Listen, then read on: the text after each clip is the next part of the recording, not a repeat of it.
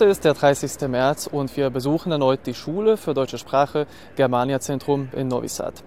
Im Mai des vergangenen Jahres konnten Sie erfahren, wie der Unterricht der deutschen Sprache während der Pandemie in dieser Schule organisiert worden ist. Was sich seitdem verändert hat, wie der Unterricht in diesem Moment abläuft und was für besondere Kursangebote es im Germania Zentrum gibt, erfahren Sie sofort.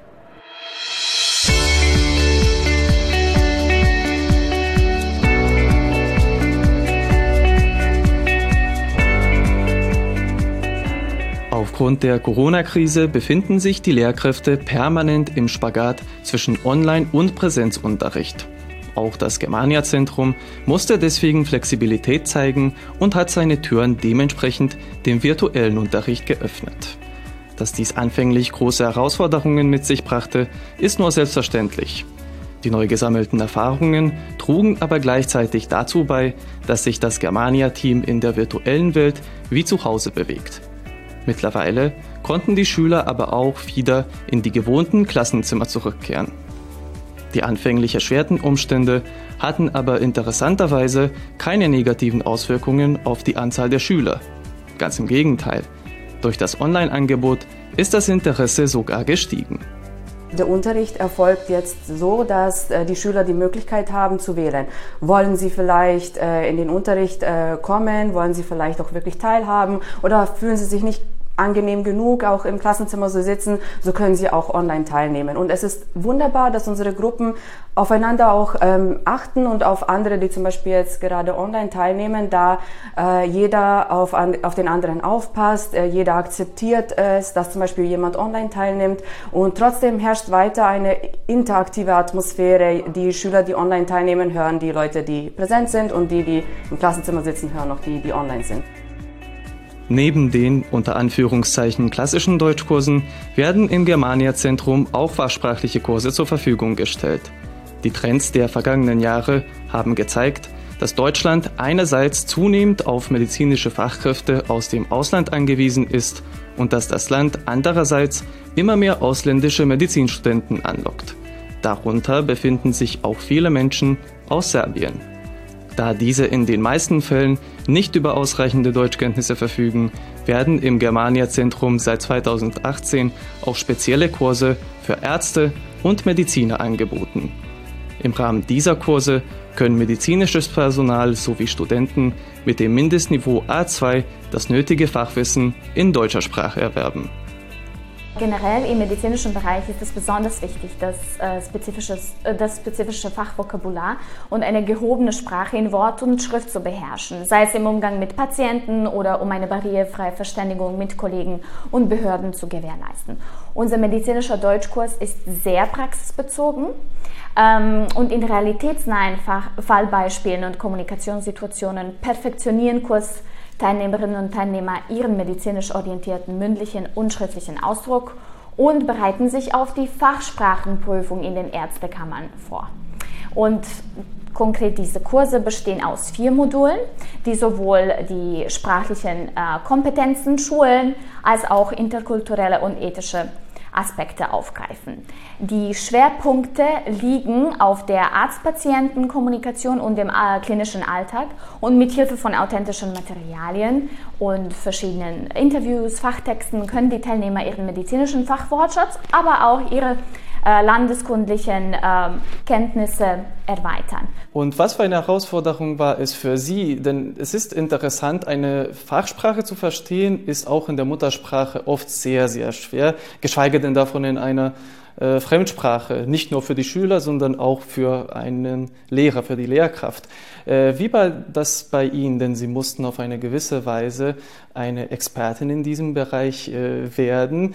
Äh, wie haben Sie sich auf die Kurse und auf die Stunden vorbereitet und wie ist es jetzt? Man muss viel Zeit investieren und zwar nicht nur einmalig, sondern ständig. Ich musste viel recherchieren, viel lernen, verschiedene Bücher ähm, in Anspruch nehmen, damit äh, ich das alles selbst bewältigen konnte. Aber das macht mir wirklich einen großen Spaß.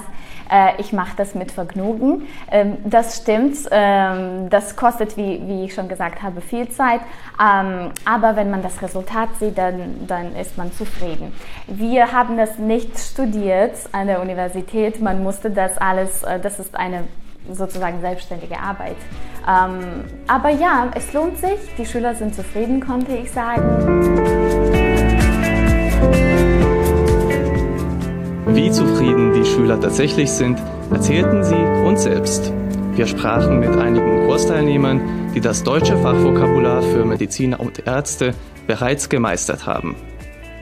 Ihr beide habt diese Erfahrung zusammen äh, gemacht, aber wieso ist das der Fall? Ja, äh, wir sind äh, Ehepaar und äh, wir, wir möchten äh, zusammen in Deutschland arbeiten und äh, leben und wir haben gleich Erfahrungen, Erfahrungen hier, hier in Schule, im Germania Zentrum und äh, wir haben zusammen äh, äh, gleich Plan zu weiteren Leben. Wieso habt ihr euch dazu entschieden, einen Fachkurs der Medizin im Germania Zentrum einzuschreiben? Wir sind Ärzte von Beruf, wie Sie schon vielleicht wissen, und äh, es, ich glaube, dass äh, Deutsche Medizin ist äh, wichtig Vorteile für unsere Arbeit in Deutschland und äh, es kann ähm, unseren Anfang im Krankenhaus sehr erleichtern. Und was habt ihr im Rahmen dieses Kurses äh, konkret äh, gelernt? Wir haben viele neue medizinische Worte gelernt äh, und äh, auch viele neue Begriffe äh, gelernt. Bei der Familie Asenijewitsch scheint das Ärztegehen im Blut zu liegen. Mit an Bord ist nämlich auch Wladimirs Zwillingsbruder Felibor. Ich habe gehört, dass äh, dieser Kurs am besten für die Ärzte ist. Ich habe gelernt, Anamnese zu erheben äh, und äh, den Patienten den weiteren diagnostischen Maßnahmen zu erklären. Danach habe ich gelernt, Patienten vorzustellen und mit Angehörigen äh, ein Gespräch zu führen. Was planst du mit diesem Medizindeutsch für die Zukunft? Äh, ich würde meine Karriere in Deutschland machen und ich hoffe, dass äh, wir bald nach Deutschland gehen können. Wir hatten ein Interview mit der deutschen Agentur und sie sind sehr zufrieden mit uns. Aber Deutschland ist äh, jetzt im Lockdown und wir haben Probleme mit Krankenhaus. Krankenhausen sind in äh, Corona äh, sind mit Corona-Maßnahmen geschlossen, verschlossen und wir warten jetzt auf neue Informationen. Und was für eine Erfahrung war es für euch, im Germania-Zentrum Deutsch zu lernen? Äh, ich denke, das äh, Germania Zentrum ist äh, sehr professionell Schule und auch ich denke, dass Jelena am besten Lehrerin hier in Novi Sad ist. Sie ist besonders für Medizindeutsch gut und ich habe nur gutes äh, Worte für Sie? Ich kann sagen, äh, es war eine der schönsten und wichtigsten Erfahrungen äh, meines Lebens. Äh, in dieser Schule gibt es unglaubliche positive Atmosphäre und äh, ich liebe meine Lehrerin und ich liebe alle Leute aus dieser Schule.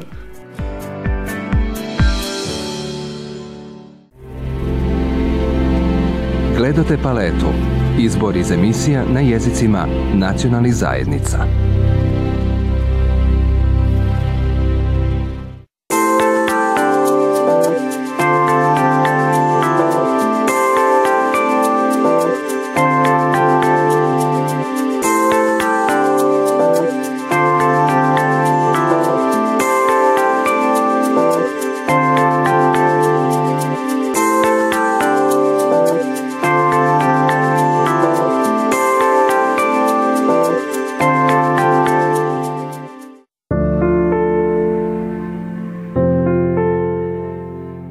Das Zentrum der Banater Schwaben versucht auch in Pandemiezeiten, begonnene Projekte zu beenden und neue Projekte zu beginnen.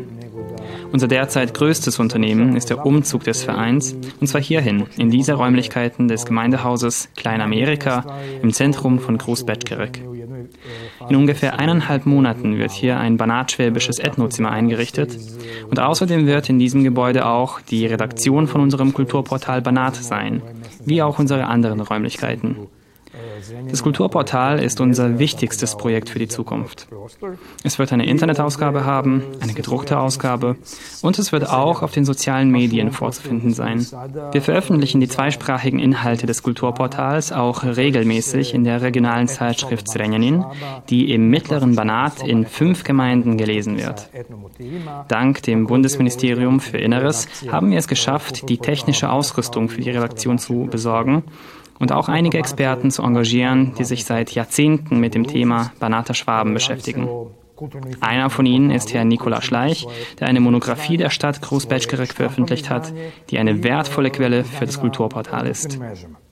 Es ist äh, für die Deutschen wichtig, dass äh, die Deutschen haben eine andere Geschichte als diese in serbischer Sprache, diese Geschichten. Und dass man sieht, dass hier 500 Jahre die Deutschen lebten und so weiter. Das wissen äh, die Einwohner der Stadt, jetzige Stadt nicht. Und darum ist wichtig, dass dies in serbischer Sprache ist. Viele Leute haben vergessen, äh, dass hier die Deutschen waren. Aber hier sieht man ganz gut, wer hat das gebaut, wer, da, wer war dort äh, wichtig und so weiter. Ein Drittel von der Monographie sind die deutschen Schwaben, natürlich. Und äh, ein Drittel Ungarn und ein Drittel Serben.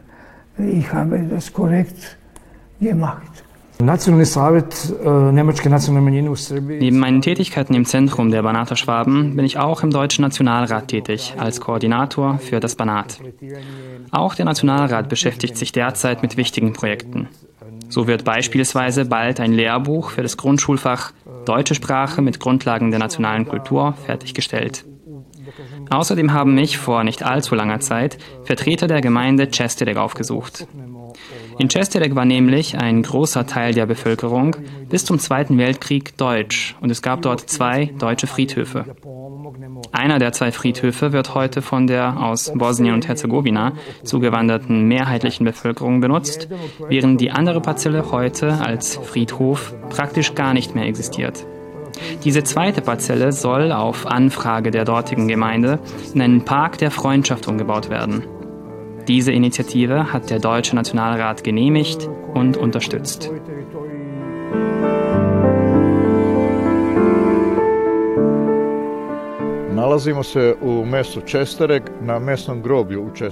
Wir befinden uns in Čestereg am lokalen Friedhof, wo in einem Teil der Parzelle die einheimischen Deutschen beerdigt wurden und im anderen Teil die nach 1945 zugewanderten Einwohner des Dorfes. Da der deutsche Teil des Friedhofes in einem desolaten Zustand ist, hat der Bürgerverband Chesterek in Zusammenarbeit mit dem Deutschen Nationalrat eine Initiative in die Wege geleitet, ihn zu sanieren und zu restaurieren. Zahlreiche Nachkommen der hier beerdigten Deutschen besuchen das Dorf, um an den Gräbern ihrer Vorfahren Kerzen anzuzünden. Und ich hoffe, dass diese Initiative auch zu ihrer Zufriedenheit verwirklicht werden kann. Wir befinden uns am Rande des Dorfes Česteřek beim Teich Jamura. Hinter mir, an dieser mit Gesträuch bewachsenen Stelle, befinden sich die Überreste eines ehemaligen deutschen Friedhofs. Unser Plan ist, mit der Zustimmung des Deutschen Nationalrates, die wir erhalten haben, diesen Ort in einen Park der Freundschaft umzugestalten. Durch die Nähe zur Autobahn, die Großbetschkarek mit Rumänien verbindet, wäre dieser Ort für viele ein idealer Picknickplatz, ein Ort zur Erholung, genauso wie er es für die Einwohner von Česteřek jetzt schon ist.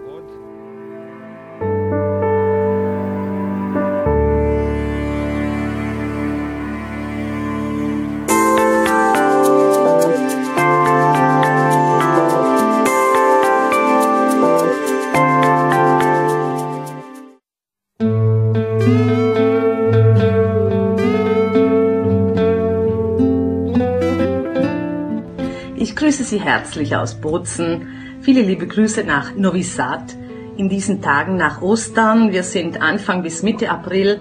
Die Osterfeiertage haben wir hinter uns und es war ein sehr, ja, ein kleines Osterfest, das wir hier in Südtirol feiern konnten. Es gab sehr rigide Ausgangsbeschränkungen, äh, auch Einreisebestimmungen eben aus allen Nachbarländern Italiens. Es wurde wirklich darauf geschaut, dass sich die Familien nicht zu nahe kamen. Also gab es beispielsweise das Gebot, zwei Personen dürfen einen anderen Haushalt besuchen gehen, also die Eltern oder die Verwandten, aber eben nicht mehr als zwei Personen an einem Tag. Nun, das Osterfest liegt hinter uns und äh, bis Ende April wird Italien dieses rigide, diese rigide Regelung wohl beibehalten. Es ist nach wie vor eingeteilt in die orangen und in die roten Zonen, auch wenn wir hier in Südtirol bereits eine sehr viel bessere Covid-Situation äh, haben. Also wenn es nach den farblichen Regel Regelungen ginge, wären wir bereits gelbe Zone seit gut zehn Tagen. Wir haben es geschafft mit einem recht äh, langfristigen Lockdown, der nun seit Anfang Februar andauert, äh, wo alle öffentlichen Einrichtungen, also Theater, Kino, aber auch die Gastronomie, die Hotels, äh, teilweise dann auch wie zwischendurch die Geschäfte geschlossen waren, haben wir es geschafft, eben die Zahlen auf eine Inzidenz äh, von 150 äh, oder 100, unter 150 in der Woche zu senken. Schulen ist es bereits so, dass Präsenzunterricht stattfindet, auch in den Oberschulen ab jetzt zu 75 Prozent. Allerdings äh, unter der Voraussetzung, dass es, äh, dass die Kinder und die Jugendlichen eigene Nasenflügeltests machen. Das heißt, äh, ohne diese Tests oder eben ohne diesen negativen Testausgang darf das Kind nicht den Präsenzunterricht in der Schule besuchen.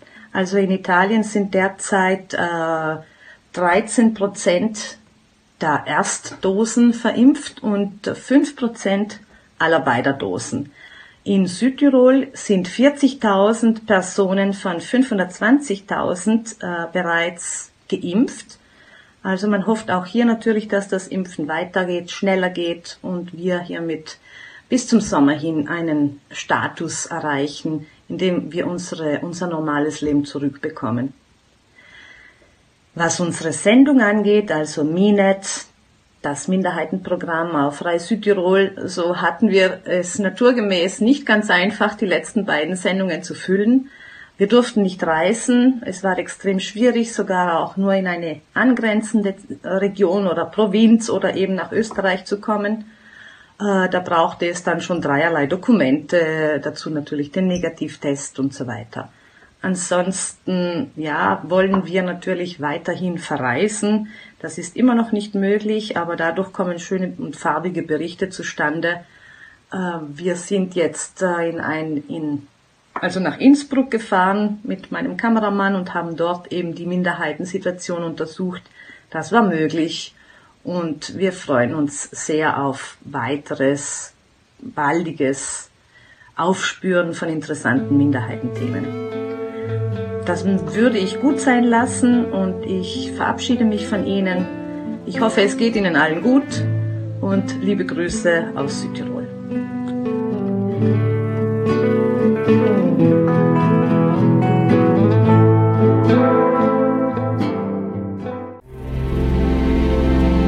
Gledate paletu. Izbor iz emisija na jezicima nacionalnih zajednica.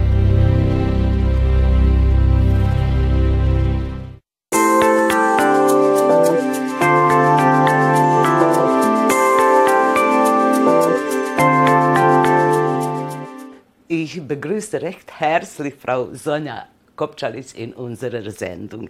Sie sind mit erfreuenden Nachrichten zu uns gekommen. Worum handelt es sich?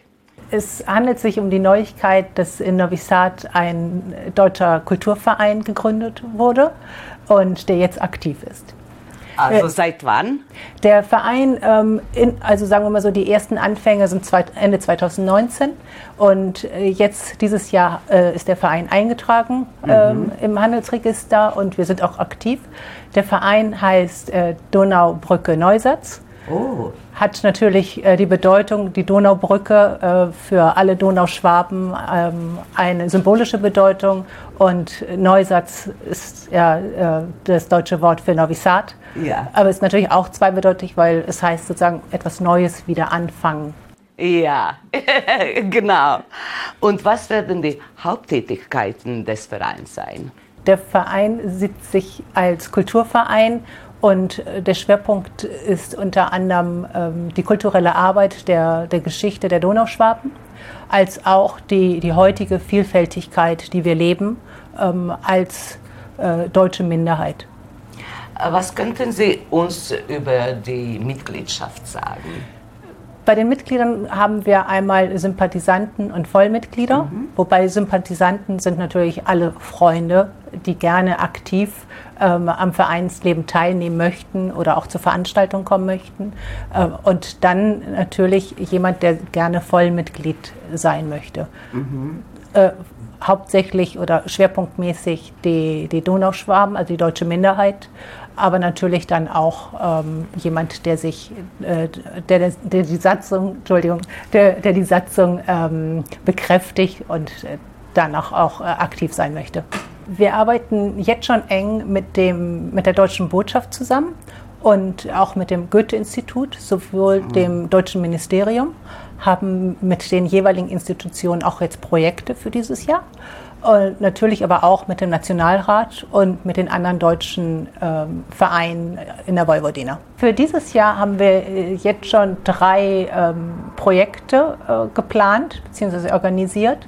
Wir fangen an im Wonnemonat Mai, äh, dass wir aktiv äh, alle Interessenten und Vereinsmitglieder äh, treffen möchten, einladen möchten zum Kaffee und Kuchen und einfach auch miteinander uns austauschen, ähm, jetzt gucken wir natürlich wegen Corona sind ein bisschen die Hygienestandards ähm, äh, sehr herausfordernd. Ja.